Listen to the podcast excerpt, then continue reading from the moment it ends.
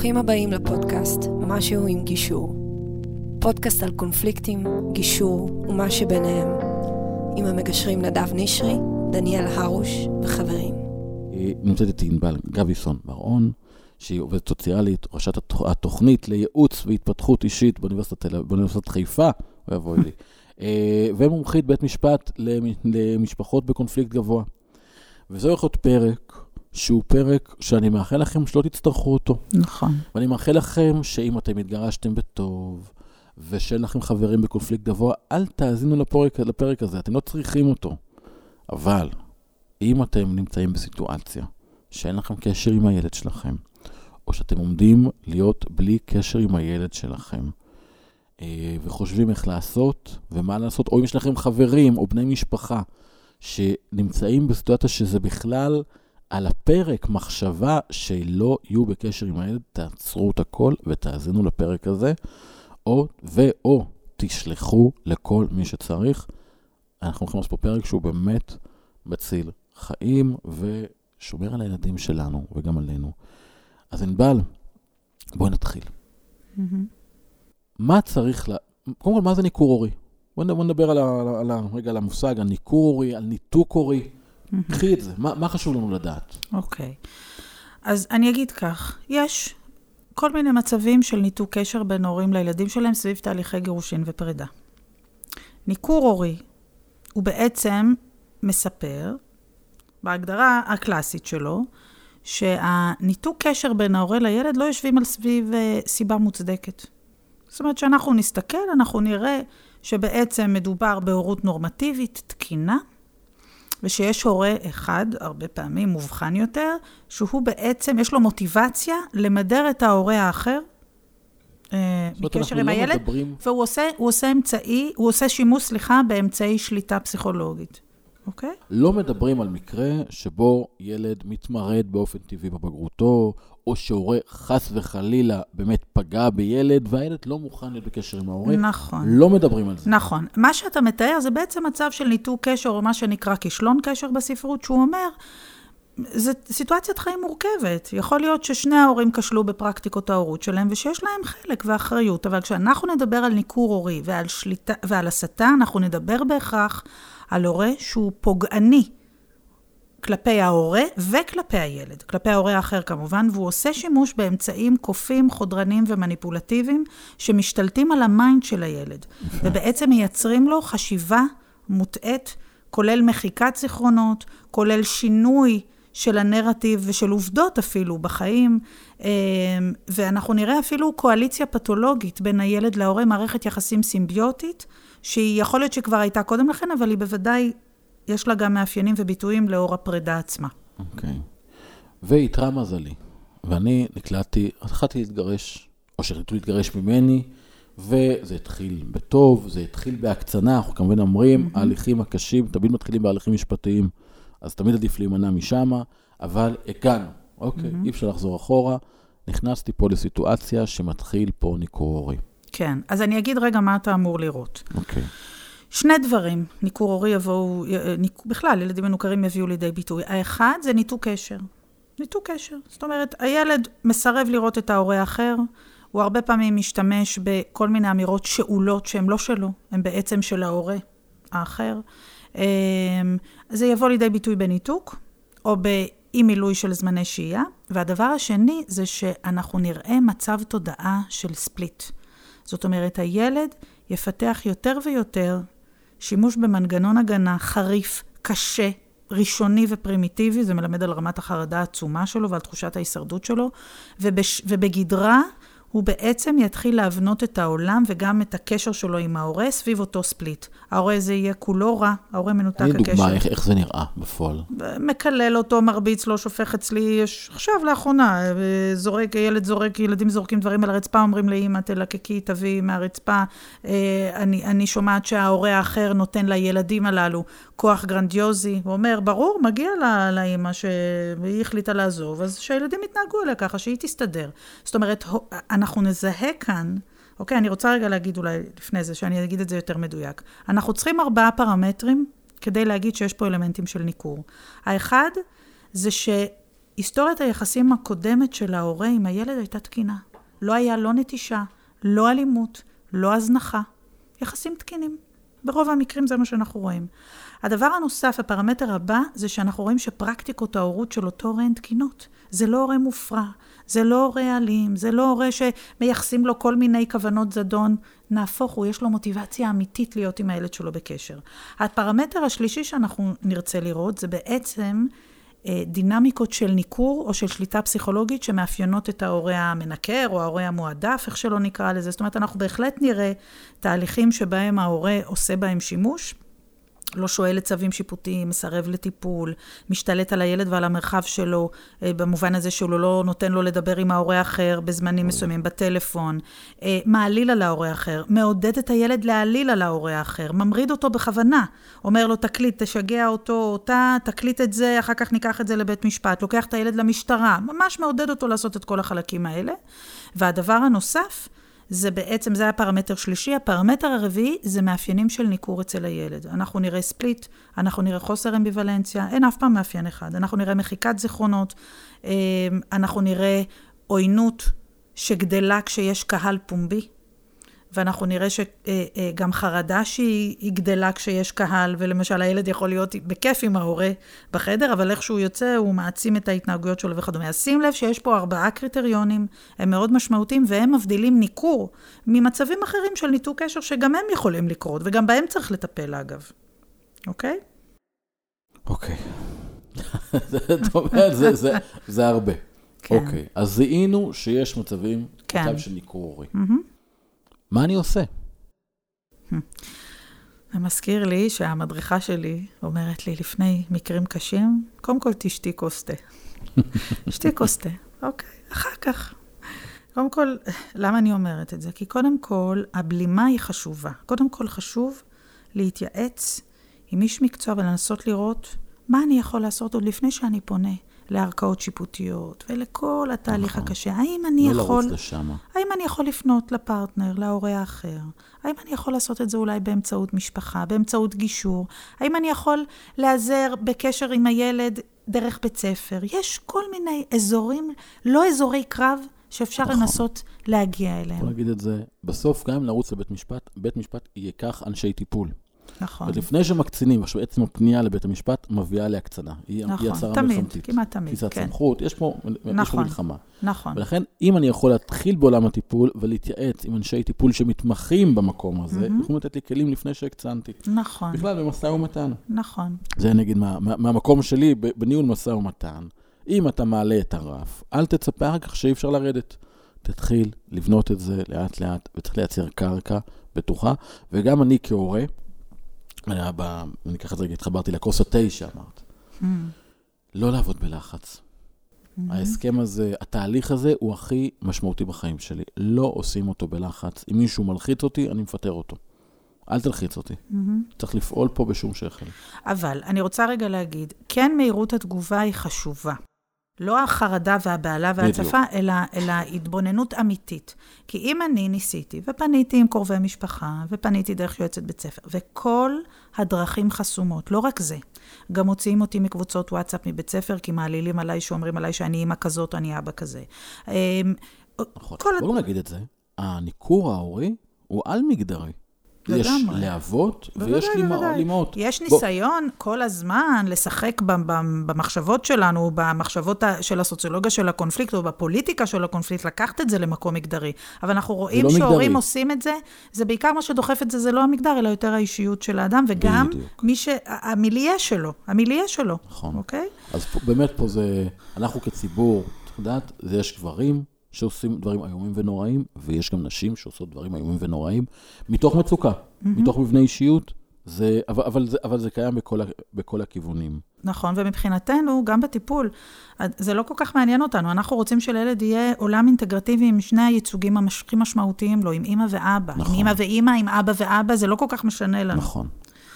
אז אני רוצה להגיד, אז, אז, אז קודם כל הייתי מציעה את הדרך הזו, אבל אם האדם מזהה שכל הדרכים חסומות, ולא רק זה, גם הוא עובר איזושהי התקפה מאוד חריפה כולל משטרה, כולל תלונות, ש- כולל כל הדברים כולם. הוא הגיע למקום הזה, הוא התחיל, הוגשה תלונה, כן, אז את, את הנשימה שאמרתי לקחת, קח את הנשימה, עכשיו לטפל, עכשיו נכון. אם יש טיפול, ו- נכון. מהר לטפל. נכון. ואז, אה, קודם כל זה חוק של שלומי. כשאני הגעתי לתל אביב, עבדתי כשליח על אופנוע.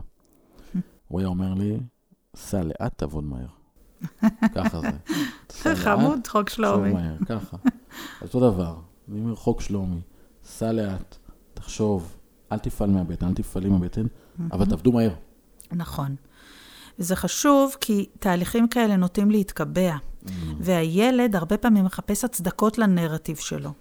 ואז, ככל שעובר הזמן, אנחנו רואים מסיפורים, לי יש איזה סיפור, באמת, אני, אני רק אגיד ש, שבהתחלה אמרו על האימא שהיא רק לא הכינה אוכל טעים, ועד למצבים שהיא נתנה לילדים לשתות אה, מים מאסלה, אוקיי? אוי. כאילו, הסיפור היה צריך לקבל ניפוח והצדקה והגזמה, ו- ושאין בכלל קשר, אוקיי? בין מה שהיה. אוקיי? וגם צריך לזכור, הרבה פעמים ב- ב- במצבים האלה, יש איזה גרעין של אמת. יש הורה שאולי לא אמר נכון, או לא התנהג כמו שהוא היה צריך, אבל עדיין אין לזה קשר לבין למה שלקחו, הפכו את זה כאיזושהי טרמינולוגיה אה, מנופחת מאוד. אז אני אגיד, אז, ואז יש חשיבות. לפנות לאיש מקצוע שעוסק בתחום, זה יכול להיות בוודאי עורך דין שהוא... טיפול. מ- ו- גם מתמחה בזה, אבל אני, אני רוצה להגיד, איש טיפול כרגע לא יכול לעזור בשלב הזה. הוא לא ממש יכול לעזור. כי מה שצריך זה שאת בית משפט יורה על בדיקה של הדברים, אחרי ועל שניסינו כניסה. גם טיפול והתייעצנו, כן, אבל, אבל אני רוצה להגיד את זה ככלל. כן, אל תלכו לבית משפט לפני שאיש טיפול אמר לכם את זה. זה גם נכון, נכון. זאת אומרת, אני, המחשבה העצמית הזו, אני, כשאני בתוך קונפליקט, אני לא מסתכל על תמונה בצורה רחבה, אני לא באמת יודע אם עשיתי את כל, ה, את כל מה שעוד אפשר, אני לא באמת יודע שזה באמת, שזו באמת המציאות, אני פה בתוך, אני בתוך האסיר. אני מציע, עד אשר לא נפגשתם עם ענבל, או איש טיפול אחר שמתמחה בנושא, שאמר, תקשיב, תקשיבי, זה מצב דחוף, קדימה, עכשיו לפעול משפטית, אל תפעלו. כי עורכי הדין לא מכירים, ואני אומר את זה, כי עורכי דין בדרך כלל לא למדו את התחום הזה, ולא הכירו את המקום הזה, ולמדו משהו אחר, אני אומר את זה כי, כי באתי משם. אין, את הכלים. אז לפני שרצים להקצין את זה עוד יותר, כי הליך משפטי מקצין, ולפעמים צריך, ולפעמים הפנייה לבית המשפט היא דווקא בשביל להרגיע, תכף כן, תדברי על זה. כן. אבל תעשו את זה אחרי שאיש טיפול שמתמחה בזה אמר לכם. מהמם. אני מא- מאוד מסכימה איתך, ואני חושבת שיש רגעים שאני בהחלט אומרת, הגיע הזמן של אה, הפעלת סמכות של בית משפט, מכיוון שאותו הורה לא עונה לנו לטלפונים, בכלל מצפצף על העמדה הטיפולית, בכלל לא מגיע, אה, עושה שימוש לרעה בטיפול עצמו, מקליט, או עושה כל הדברים שהם בעצם אה, לא משתפים פעולה ולא מאפשרים לחידוש קשר לקרות. ואז זה הרבה פעמים רגע קריטי, שבו אני אומרת להורה, הטיפול הזה הוא לא טיפול עם סמכות, הוא לא תחת בית משפט, אין לך הרבה ברירות כרגע, ואתה צריך לפנות, אוקיי? להליך, לפתיחת הליך, ואני אדבר על זה עכשיו, לפתיחת הליך שהמטרה שלו להגן עליך ועל הילד שלך, ובעצם לייצר קשר. לייצר קשר שהוא כמובן מוגן, הוא בטוח, אה, אה, אבל הוא בעצם, המטרה שלו לייצר קשר ולהשיב. אני רוצה להגיד, חידוש קשר הוא רק אמצעי. המטרה היא להביא לנורמליות בקשר הורה-ילד, שיהיה להם קשר רגיל, הם לא צריכים להיות בקליניקה. נכון. אצלי רוב המשפחות שמגיעות, אני אומרת להם, אתם צריכים לייתר אותי. אני רוצה שתוך כמה חודשים אתם תצאו החוצה, לים, לגלידה, לבריכה, שם עושים קשר בין אומרת הורים. לילדים. במקום שבית משפט ייכנס ויצמצם את האוטונומיה ההורית שלהם. נכון. אבל הוא נכנס במצבים שבהם הורה ממש ממדר ופוגע בקשר של הילד עם ההורה האחר. יפה. ואז מה אפשר לעשות? אחד הדברים היפים שנוצרו מספטמבר שנה שעברה, בעיניי במדינת ישראל, זה בעצם מה 21. שנקרא נוהל, נוהל, כן, נוהל הנסיעה. 220, שהוא בעצם נוהל שאומר שבמקרים של ניתוק קשר, כל אדם, כמו שיש חוקים למניעת, ל- למניעת אלימות במשפחה, כמו צווי הגנה, שזה דבר מיידי, אתה לא צריך עורך דין, אפילו אתה ניגש אה, כדי לקבל הגנה, אז גם פה, אדם יכול להגיש תובענה להבטחת קשר, להפעיל את הנוהל, ובעצם תוך 14 יום, אה, בבית משפט לענייני משפחה, אה, שופט מחויב לעשות דיון. וזה נורא משמעותי. עכשיו, השופט, זה לא אומר שהוא מיד מכניס? לתהליך חידוש קשר. זה בכל הארץ. בכל הנוהל הזה הוא, הוא הוא לא. חל על הרבני, אבל הוא כן חל על בתי המשפט לענייני משפחה. אני יודעת אבל שברבני גם גם יש יש... תיק שמתנהל ברבני, אני יכול לפנות לבית המשפט לענייני משפחה ויש לו סמכות. כן. אוקיי. כן, אבל את- צריך לזכור שגם יש פה, אתה יודע, עורכי דין מבינים בזה יותר ממני, יש מרוץ סמכויות וכל הדבר הזה, אבל אני כן רוצה לומר שבמובן הזה, בתי המשפט לענייני משפחה ערים לזה, הם פועלים מהר יותר, ויש לשופט, לאחר 14 יום הוא מזמן לדיון, והשופט יכול לבחור מתוך ארגז כלים. זה לא אומר שהוא מיד מכניס את המשפחה לחידוש קשר, לפעמים לא, הוא יתרשם שאולי כן יש טענות של ממש בדבר אלימות. לשופט יש אוקיי? את הכישורים. לראות. יש לו, אז יש לו יכולת להפעיל שיקול דעת ולהגיד, אני רוצה עכשיו הפניה לאבחון, או אני רוצה אה, להפעיל סדרי דין, או אני רוצה למנות אפוטרופה, או אני רוצה עכשיו לפנות ל, להליך טיפולי, כמו שאני עושה, זה 12 weeks clinical trial, שבעצם מכניס את המשפחה לטיפול ובוחן את התפקוד ההורי של ההורים, כי ניכור רואים הרבה פעמים בעיניים. זאת אומרת, אנחנו פשוט רואים את זה. כי הרבה פעמים הורים אומרים, בבקשה, אין בעיה, ילד שיהיה בקשר עם ההורה אחר, אבל הם מחבלים בצורה סיסטמטית בטיפול, לא מביאים את הילד, מביאים את הילד וממרידים אותו, או, צור, או כועסים וצועקים עלינו בנוכחות הילד כדי להמריד את הילד גם כנגדנו. יש מלא טקטיקות שאני כן. אה, לא, לא אומר כאן, אבל הן קיימות. ו, ואז בית משפט בעצם מפעיל את סמכותו על הורה שהוא, איך, אוקיי? שהוא לא שואל לצווים שיפוטיים, הוא לא שואל להסכם, הוא לא מביא את הילד. ובית משפט עושה את מה שהוא עושה, אוקיי? אה, הוא, הוא מחליט אם יהיו, אם, אם יהיה טיפול עכשיו, אה, הוא דורש דוחות, הוא דורש אה, בעצם דיווח גבוה. ובית משפט גם מתייחס להורים שהם מחבלים בקשר, מתייחס בחומרה כיום. מציב סנקציות, מתבונן בזה בצורה די חמורה. אני חושבת שהגישה היום היא הרבה פחות סלחנית כלפי הורים שהם ממדרים את ההורה האחר. אה, עכשיו, זה לא תמיד נוח, זה לא קל, זה אה, טיפול שהוא לא פשוט, אבל אני רק רוצה להגיד שבמובן הזה, יש להורים מנוכרים ומנותקי קשר יכולת היום לפנות ולבקש תהליך מהיר. זה לא עוקף את התביעות הרגילות. אם או. יש תביעות רגילות, ארוכות, ממושכות, זה לא יעקוף, ולא יהיה שימוש לרעה בזה. אז בוא ניקח גם מצב, אני, אני רוצה לקחת את האנשים, כי לפעמים ברגע שכבר נכנסו לתוך המערכת, ויש עורכי דין מייצגים, ויש את התביעות, זה נראה, לפעמים זה ויה קונדיוס, שאלוהים יהיה איתנו. לפני, לפני, לפני, אם מתחיל הליך, אה, אה, מתחילים תחושה של ניכור הורי, הולכים לאיש טיפול, מקבלים את הליווי, אומרים, רגע, אינדיקציות. אינדיקציות, לזהות את זה. ברגע שאיש הטיפול אומר, אוקיי, זה לא אצלנו, זה לא בטיפול, אנחנו צריכים טיפול עם סמכות. פה כבר נלך, נפעיל את, נוח, את נוהל הנסיעה. זה לא אומר שצריך להגיש את כל התביעות ולהתחיל מלחמת גוג ומגוג. זה לא מה שזה אומר. אני בדרך כלל. מבקשת שכל שאר הקביעות תוקפנה, כדי שכל האנרגיות נפנה לחלץ את הילדים מהמקום הזה. בדיוק. אני מבקשת, גם מבית משפט, בתיקים שלי, אני ממש מבקשת שלא יהיה עוד דברים, כי זה ממסך, מסכסך. זה עושה רעש, ואז האנשים מגיעים נורא פגועים, אחרי שהם רואים את כל הכתבי אני- טענות. אני חושב אפשר כבר טקטית, כי אם אני אבוא לעורך הדין ואגיד, תקשיב, אני שמעתי את הפודקאסט של נדב וענבל, והם אמרו, אה, תגיש לנוהל הנסיעה, ואז הוא יגיד, כן, אבל מה עכשיו צריך להגיש את כל התביעות, ותביעה לגט, ולחלוקת רכוש, ולזמני שהייה, ולמזונות. בוא נ... רגע, רגע, רגע, רגע, תקשיב, אדוני. בוא, בוא, בוא, בוא נחשוב על זה רגע, בוא נחשוב. בסוף צריך לזכור, הלקוח הוא קובע, לא עורך הדין. מהמם. ולפעול נכון. אני לא אומר פה מה נכון ומה לא נכון, אני רק אומר שיש משמעות להכל, צריך לבחון את זה היטב, ויכול להיות, רק יכול להיות, שעדיף לא להתחיל עם כל התביעות, כי כמו שאתה אומר, גם ככה זה יוקפא ב- לפי המלצתך, אלא רגע להתמקד רק בחידוש הקשר, לייצר נכון. נורמליזציה נכון. בין ההורים. אל נכון. תקצינו יותר, אל תצפו שאם עכשיו אני עם הילד אה, עובד פה לחדש את הקשר, אבל פה אני תובע אה, מזונות או רכוש, ושייצר חרדה קיומית אצל הצד השני, נכון. אל תפו שיהיה פה עכשיו קשר טוב. נכון. ואין חשוב מהקשר עם הילד. וגם אנחנו רוצים לדאוג ל-well-being של שני ההורים. נכון. לי אין שום אינטרס שהורה אחד יהיה עסוק עכשיו בחרדה רכושית, כלכלית וכדומה. מה האינטרס שלי? אני אומרת, אם, אם, אם אנחנו נעשה רגיעה ונעשה, נ- נייצר קשר תקין, נורמלי ושקט בגזרה הזאת, כי הרי זה נורא כואב להורים. זה, זה, הילדים זה הדבר הכי חשוב להם. ו, ואם אם יש פגיעה באזור הזה, יש לה אדוות לכל האזורים האחרים. ולכן אני הרבה פעמים אומרת, אני בעצמי פונה לבית משפט ואני מבקשת, אני מבקשת להקפיא את כל שאר הדברים, כי אנחנו לא נוכל לייצר תהליך שבו שני ההורים. נרתמים.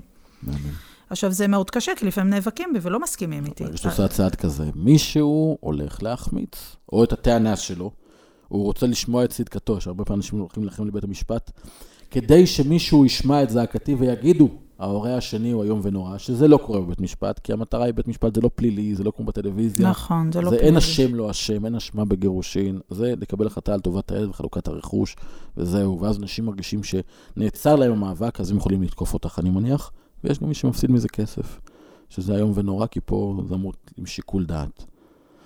אז אני, אז, אז זאת המטרה הגדולה שלנו. זה, זה בעיניי, זה חשוב לדעת על הנוהל הזה, פחות, הוא פחות... אה, נוהל הנסיעה. בא בידי, לידי שימוש, גם למה? אולי פחות מכירים אותו. אני חושבת שפחות מכירים אותו גם עורכי הדין, ומכירים את התביעות הרגילות של... היום כבר לא מדברים על משמורת, כבוד השופט הנשייה. שוחט קצת פתר אותנו מזה, ואני כן. כל כך שמחה על זה. כי כל הזמן דיברנו על זה, שרק השימוש, זה, זה הפך להיות קונפליקטיאלי, לא. כמו שאני אמרתי שהמושג ניכור הורי הפך להיות כזה, נכון. גם משמורת. עכשיו נריב ונביא עוד אבחונים ועוד אנשים. ב-2016 לקחתי ציטוט של חני שירה, שופטת ב- בראשון. כן, כן, בראשון. היא גם אמרה את זה, הכנתי את זה בספר הראשון שלי. שאנשים מתעסקים בהגדרה של כן. זמני השם, במקום להתעסק במשמעות, שגם ככה זה לא השאלה, כי זה בכלל שאלה של אפוטרופסות. נכון, אבל במצבים של היי קונפליקט, הגדרה נותנת כוח. אולי פסאודו שליטה, אבל היא נותנת את זה. נכון. ולכן יש מאבקים של שנים על משמורת תהיה אצלי, או תהיה אצלך, או כמה בדיוק, שזה או לא מי. ימלא, או מי בית מרכזי. כל המושגים האלה שבעיניי, אני יודעת שיש מתנגדים לזה, כן? כי יש להם כל מיני אינטרסים כלכליים ופוליטיים, אבל, אבל, אבל אני חושבת... משמעות כלכלית, כלכלית, באמת, זה כל אין, כך... אין הרי- לזה משמעות אין כלכלית, זה משמעות בדיוק כלכלית העניין. לכותרת הזו. אבל זה בכלל סוג... יצא עכשיו תזכיר חוק, נכון. משנה את זה, שזה דרמטי לחלוטין. נכון, אני מדבר עליו, על חוק המזונות. כן. סוף סוף יהיה חוק.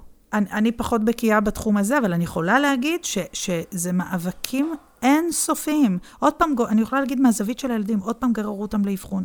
אבחון דיאגנוסטי או אבחון אינטראקציה, עוד מטפל, עוד שיסתכל עליהם, עוד, עוד פעם שיחה עם עו"ס, עוד פעם בבית משפט, זה משהו נורא מז...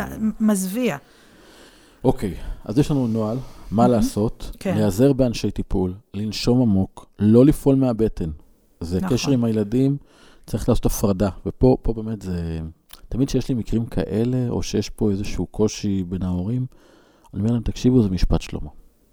במשפט שלמה, אני מזכיר, נכון. האמא ביולוגית הלכה אחורה, ויתרה על הילד כדי שיחיה, ופה היא. בעצם הרוויחה אותו. לפעמים אנחנו צריכים להבין שההורה האחר הוא עכשיו במצוקה. הוא פועל בדרך איומה ונוראה. איומה ונוראה, אבל המחיר הוא בלתי נסבל כי הילד שלי סובל את זה. ולכן אני צריך לפעול פה מאוד מאוד בחוכמה נכון. וברגישות, וכמה שאני כועס, ואחרי שלפעמים, אני יודעת, אנשים עברו מבן הזוג שלהם, היו דברים איומים ונוראים. עשו, השמיעו, אה, העלילו עליהם, אבל הם לא יכולים, אם הם ייכנסו עכשיו לריב איתו ראש בראש, הם עלולים להפסיד את הילד. אני רוצה להעביר איזושהי פואנטה בעניין הזה. אמ, יש לך ילדים, נדב, נכון? שתי בנות מהממות. שתי בנות? איזה גיל? אה, אני לא עכשיו. את, אה, לא, לא, לא. יש לי שש וחצי אה, ועשר וחצי. אוקיי. אז בוא ניקח את השש וחצי. גדלות לי מהר. נכון, נו, ברור. אבל ניקח את השש וחצי, אוקיי? כן. בוא נחשוב רגע, עכשיו צהריים. לי... זה הכנתי. אבא, ברור. עכשיו שעת צהריים. כמה שעות יכולת לשאת, לא לדעת מה איתה, או לא להיות איתה בקשר, או להיות עם, עם, עם מי ש... אוקיי, נמצא לא, איתה כרגע, הזמן כמה שעות? כמה? שעה, חצי שעה, שעתיים, ארבע, שמונה, עשרים, כמה? לא, אין סופי שבוע שאני בלי הילדות, אני יכול לדבר כמה, איתם כמה, פעם תגיד. ביום. אני- לפחות פעם ביום צריכה להיות שיחה. אז זה- אני שואלת אותך יותר, אני מקשה עליך, פעם ביום. אוקיי. כמה זמן מעכשיו עד הפעם הבאה שאתה תוכל, ככה שזה יהיה לך ב mind, שאתה תגיד, וואו, אני, אין דבר כזה, כבר עבר יותר מדי זמן, אני חייב לדעת מה קורה לא, איתם. כמה שעות אני מדבר איתם? כמה? שעות. אז עכשיו לא. אני רוצה שתיקח את זה. זו תשובה נורמלית, נורמטיבית. דיברנו על נורמליזציה, אוקיי? על נורמליות. זאת התשובה. עכשיו, אני רוצה שתחשוב על הורים שלא רואים את הילד שלהם, והם גם לא יכולים לקבל עליו מידע, כי היועצת בבית ספר אומרת, תקשיבי, אם אני אדבר איתך, הילד הוא, הוא, הוא לא יגיע לבית ספר.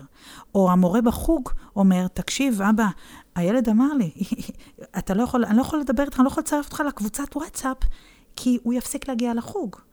אז אני לא יודע כלום על הילדים שלי, או אני לא יודעת דבר עליהם. לא. עכשיו, אני רוצה לשאול אותך, אוקיי? כי הרבה פעמים יש הרבה ביקורת כלפי הורים אה, מנותקי קשר, שהם עצבניים, הם כועסים על המערכת, הם ממורמרים. לא, זה מאוד ברור שהם אבל לא ככה. הם לא יכולים להיות במקום אחר, אלא במקום כזה, מכיוון שזאת מצוקה קשה מאוד. גם תחושת העוול, גם שהילדים נלקחו מהם, גם שמעלילים עליהם הרבה פעמים. נכון. זה חלק שכל העולם יוצא להם משליטה.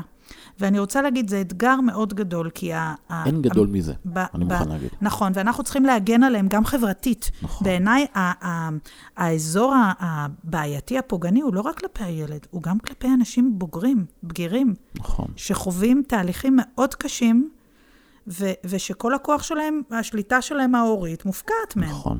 אז אני רוצה להגיד משהו בהיבט הזה להורים מנותקי קשר, שזה המדריך להורה המנוכר, קראת לזה.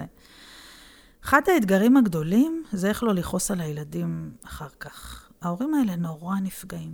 וואו, זה והילדים יושבים מולם ואומרים להם, לי היה ילדים שאמרו להורים שלהם, איזה כיף שהיית במעצר, אנחנו חגגנו בערב חג, ואתה היית במעצר, מגיע לך.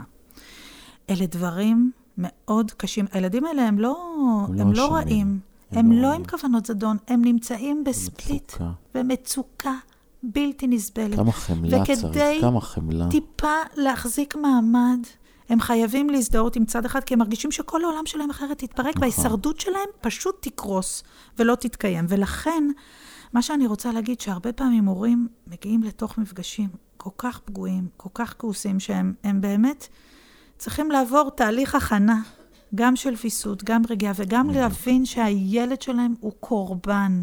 זה לא שהילד קם וככה הוא נולד, הם לא נולדים נכון. כאלה, הילדים הללו, הם לא אכזריים להורה כי הם רוצים, ממש לא. ממש לא, הם במסע הישרדות. ממש. אנחנו יודעים שילדים במסעות הישרדות עושים כל מיני ומדברים כל מיני. ואני חושבת שזה אחד האתגרים הקשים להורים מנותקי קשר שאני רואה אותם. היכולת ממש. באמת להחזיק שם בתוך החדר כשמקללים אותם, ובועטים בהם, והופכים את החדר, ועוינים כלפיהם. ובאמת ההבנה הזאת, יש פה ילד שהוא במצוקה אדירה, ואנחנו צריכים לזכור את הילד הזה, ש, שיש לו עוד חלקים חיוניים שהם כרגע חבויים, וההורה צריך לטפח את עצמו ואת החיים שלו. ולא להיכנע למרירות, ממש, ולא את לא, הטוב, לא להיות מובס, העתיד, להחזיק את, ה... את ה... החיים, נכון, את ולהחזיק את זה. עכשיו, זה לא פשוט בכלל. לא, זה, אנחנו אומרים זה- את זה במילים, זה, זה קשה. זה תופת. תופת. תופת, תופת. תופת. אמיתית. אני עובד, אני, כשאני מלווה הורים מנוכרים, זה תופת. תופת. ואני גם רוצה, והרבה פעמים אני אומרת להם, אנחנו לא נצטרף לעמדה המשחירה כלפי ההורה המועדף. לא נעשה את זה. אנחנו לא את נדבר פה עליו בצורה משמיצה, מכפישה. אנחנו נשמור על כבודו בעיני הילד, ואנחנו נחזיק את הכוונות המיטיבות שלו. כי ילדים רוצים את ההורים שלהם stronger, bigger, wiser, והורים טובים ומיטיבים עבורם, וזה בכלל לא משנה. הילד לא צריך שום הגדרות, מנקר, זה הורה מנוכר, זה לא מעניין אותו בכלל. אז אני רוצה להגיד שזה זה אתגר גדול. ליבי הרבה פעמים נמצא שם בכאב גדול, ואני לפעמים רואה הורים שהם מועדים שם, כי הם כל כך מרגישים מובסות, ושהמערכת הביסה אותם, ושהם מגיעים למפגש עם ילד, אבל ההורה האחר אומר, לא, יש לי קורונה, יש לי זה, הילד לא יכול, וככה עוברים חודשים על גבי חודשים, על גבי שנים. וזו תחושת מובסות וחוסר אונים מאוד קשה. אנחנו צריכים לעבוד איתה, לא להיכנע לה, אבל גם לא להתקיף את הסביבה איתה. זה, זה אתגר גדול, אני רוצה לומר, זה אתגר לא פשוט. לא, אנחנו מבקשים פה משהו שהוא, אתה, כולם דופקים אותך, הכל נגדך, אתה לא רואה את הילדים שלך, או שלך, כן, שוב, אני לא, אין פה מגדרי, כן, זה צריך כן, לקחת את זה כן. כחברה, חייבים להבין יש. הכל והכל. אמ, ואנחנו עכשיו אומרים לך, בוא, בוא תהיה, תהיה the bigger man. מי יכול להיות הביגר מן במצב נורא הזה? קשה. זה נורא. אבל בשביל זה אני שוב מבקש מהחברים, נכון. המשפחה, לחבק אותם, להכיל אותם. מי שעובר ניכור הורי, זה איום ונורא, והוא חייב לשמור על עצמו, הוא חייב לדבר אני, בעניין. אני רוצה אפילו להגיד עוד משהו. אחד הדברים שאומרים להורים מנוכרים, טוב, נו, ברור שאתם עשיתם משהו, בגלל זה הילד הוא לא איתכם. זה העוררות של זה האשמה הכי הזאת. האשמת הקורבן. היא תוקפנית מאוד. היא הרבה פעמים נעשית כדי ליטול את האחריות שיש להורה שהכניס את הילד לפוזיציה הזו. והרבה פעמים הורים מרגישים שגם גם לקחו מהם את הילד וגם מאשימים אותם. ואני חושבת שאנחנו כחברה צריכים להתבונן בזה היטב. יש הרבה פעמים מבט מאשים. בטוח עשית משהו שהילד לא רוצה להיות איתך. אני ליוויתי ילדים, חלק, חצי מחיי המקצועיים ליוויתי ילדים נפגעי אלימות וטראומה. הילדים האלה תמיד שימרו. מבט אמביוולנטי ומפצה כלפי ההורים שלהם. הם רצו להיות איתם, לא רצו להיפרד מהם. זה חלק בריא, אבולוציוני. צריך לטפל בזה. בוודאי שההורים לא צריכים להכות ולהתעלל בילדים שלהם, אבל אפשר לראות שבפסיכולוגיה של הילד הטראומטי, הוא עדיין רוצה לשמר קרבה וכמיהה להורה שלו, הוא אפילו עושה לו אידיאליזציה, משמר אותו באיזשהו מקום נכון. כזה. אין ילד לכ- שלא היה רוצה קשר להורה שלו. וזאת אמירה נורא חשובה, כי הרבה פעמים מוסווית באמירות שליליות ועוינות ונגטיביות, ואז אומרים להורים האלה, נו, בטוח עשיתם משהו. אין באמת הצדקה. אין נכון. הצדקה במצבים של ניכור. לפעמים, אבל ההורה צריך לעשות את הצעד. כי נכון, הילד הוא הילד. גם שהוא נכון, גדול, אגב. נכון. הילד הוא תמיד הילד, האחריות היא לפעול היא של ההורה. נכון. אל תצפו שהילד יבוא אליכם, זה לא יקרה. הוא לא יהיה מסוגל. הוא לא מסוגל. הוא לא מסוגל לחלץ את עצמו. מי שצריך לחלץ, את, לחלץ אותו זה שני ההורים שלו. נכון. זה גם ההורה ש, שצריך לעשות שם שינוי פסיכולוגי משמעותי ולשחרר את הילד ולתת לו וולקאם לקשר עם ההורה האחר. לפעמים הוא לא עושה את זה, אז בית משפט מורה לו לעשות את זה. וגם ההורה המנותק קשר, שבאמת עבר עוול, והוא לעתים מריר ופגוע מאוד, שהוא יכול לצמח, אני קוראת לזה בייפס, שהוא יכול לצמח מסלול עם מעקף לילד. תראה את הילד שלך, תראה את הבן אדם שהוא, תראה את הצרכים שלו, תבנה איתו מערכת יחסים חדשה. כן. רק ההורה יכול, הילד לא יכול. נכון. ו- וזאת תפיסה נורא נורא חשובה, ואני, אם, אם הייתי יכולה להגיד משהו להורים מנוכרים, זה לעבוד על החלק הזה. לז- לזכור את הילד הזה, את החלקים שלו, כי לפעמים הם מכוסים בעוינות כמעט בלתי נסבלת. אבל יש שם ילד, ואיך אה, אה, פרנצי דיבר על זה, שבכל שבוע יש ממתינה הכמיהה הכמוסה והסמויה, שמישהו יחלץ אותו משם. ואני חושבת שהילד ממתין להורה, וההורה צריך להכין את עצמו ליום שהילד הזה יגיע אליו. הוא צריך להגיע להורה שהוא מבוסת, והוא קשוב, והוא מיטיב, ושהמרירות לא ניצחה לשפוך אותו. ולהשאיר את הדלת פתוחה. נכון. תשאיר את הדלת- פתוחה. נכון, בגלל זה אני אומרת שקשה. לכל ההורים מנותקי הקשר, תדאגו לחיים שלכם, ל-well-being שלכם. תצמחו את עצמכם, אתם חייבים לטפח את עצמכם, כי נכון. ביום שהילד יגיע, הוא ירצה אתכם חזקים. מוחזקים, אסופים, שומרים עליו, מגנים עליו. אה, אה, מה שהורה צריך לעשות, נכון. בגידול טבעי ורגיל, מול הילד שלו. אתה נושם הרבה בפודקאסט איתי. ציפיתי לזה, צריך להגיד את זה, אבל אה, את יודעת, כי, כי את כאן, אני אומר את זה כי, כי, כי, כי אני כל כך לא רוצה שתעבדי. באמת, אני, אני כל זוג שלי, אני, אני מדבר עליו, אל, אל תגיעו לשם, נכון. אל תגיעו. טוב שאתה זה- אומר זה להם, טוב. עכשיו, לפעמים טוב. אני אומר- אומר את זה, ומה מתחיל לתאר תיאורי זוועה וסיפורים, נכון. אני לא רוצה את הרע, אני רוצה להגיד לכם את הטוב. גירושין יכול להיות טוב.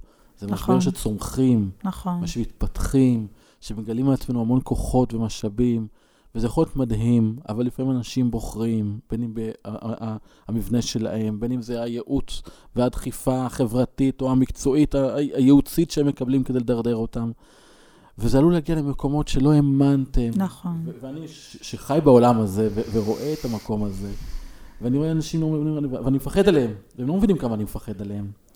ו- ו- ואני מתרחק מזה, כי, כי, כי, כי, כי, העולם שלך הוא עולם, הוא עולם, הוא לא טוב, הוא עולם רע הוא עולם עם, אה, עם סטרס אה, רעיל מאוד. מאוד. toxic stress, ושהוא בעצם, אני- קודם כל אני מאחל לך בריאות, באמת. תודה. אני, אני כן אופטימי, ובאמת נסכם את זה, אמרנו את זה, דיברנו זה ברקע, אמרנו, אמרתי, יש הרי ירידה בכמות התביעות. כן, ואת אומרת שאת הרגשת עלייה בכמות המקרים. כן, והסיפור, לדעתי, הוא שבגלל, ש... וזה עובדה, אני מדבר עובדות, יש ירידה בכמות התביעות, יותר מ-60% פחות תביעות. זאת אומרת ששוק עריכת הדין במשפחה הוא מצטמצם, משפחות לקוחות שמשלמים, ולכן, וה... וכולם צריכים, התרגלו פה לסכומי עתק, ולכן כל מקרה, יש יותר ניסיון להקצין, לא כולם, יש לפעמים יותר ניסיון להקצין את המקרים, ולגרום לנזק גדול, ופה יש חובה של ההורה, וסבא וסבתא, והבני דודים, והאחים והמשפחה, לשים לב שבצעד הראשון לא מביאים להקצנה מיותרת. ולא ועוטפים. משתמשים בילדים. לא משתמשים בילדים, ככלי זה, במאבק. זה, זה, זה, זה, זה ברור. אה, ובוחרים היטב את היועצים, כי, כי אנחנו מנצחים, העולם, העולם משתפר במקום הזה, המודעות איזה ציבורית כיף יותר גדולה. שאתה אומר את זה. אני רואה את זה, רואים, כמות התביעות יורדת. אבל עדיין, אם זה מגיע למקום הזה, צריך לדעת להתמודד, וזה כלים טיפוליים ולא משפטיים. נכון. כלים ייעודיים. יהודים. זה צריך להיות טיפול פסיכו-משפטי, שהוא תחת כן. בית משפט, שהוא הוא, הוא עם פיקוח גבוה כדי לייצר איזו הצלחה. בוא, בוא נגיד את זה גם כן. בתחום דיני הג- הגירושים, זה עולם שלם בעולם הטיפול, שאין הרבה אנשים שמתמחים בו. נכון. לא כל מטפל זוגי, או ייעוץ זוגי, יועץ זוגי בכלל, זה, זה עולם אחר. אנחנו נחייך ונגיד, אה, מה מה נגיד? כמה למדו? עשו קורס. זה נורא. לא חברים. שלי שלמדו טיפול משפחתי וטיפול זוגי, אה, למדו כולם חמש שנים עם 550 שעות. אה, אני... ייעוץ זוגי צריך עשו לתת לזה חצי הרבה- שנה, נו, כן. אוקיי. מתומצת. אוקיי. אה, יש, יש לטוב לטוב בכל מקום, אבל באמת, בגירושים, יש פה ידע מאוד מאוד רחב שצריך להכיר אותו, ואין הרבה שמתמחים בזה. לכו למי שמתמחה בעולם הטיפול, עם הבנה של נוהל הנסיעה והפן כן. המשפטי. וכן ירבו, אגב, אנשים שעוסקים בתחום, אני חושב כמה שיהיו יותר אנשים שעוסקים בתחום כמוך, אולי באמת יהיה בכם פחות צורך, נכון. אבל באמת, לצערנו יש הרבה עבודה, ואני מאחל לך אה, שתמשיכי לעשות טוב, ושתהיי בריאה. תודה. טפלי בעצמך, כי עם תודה. האנרגיה הזאת זה באמת לא, נכון. לא פשוט להתמודד עם. הדבר הזה, ממש נכון. חשוב. אה, ותודה, תודה על, על העשייה ועל המסר, וזה שאת מעיזה להגיד את זה, על אף האיומים שאת מקבלת ממקומות, אה, לא מובן מאליו. באמת, שחקנית נשמה. תודה רבה רבה רבה. תודה לך. תודה.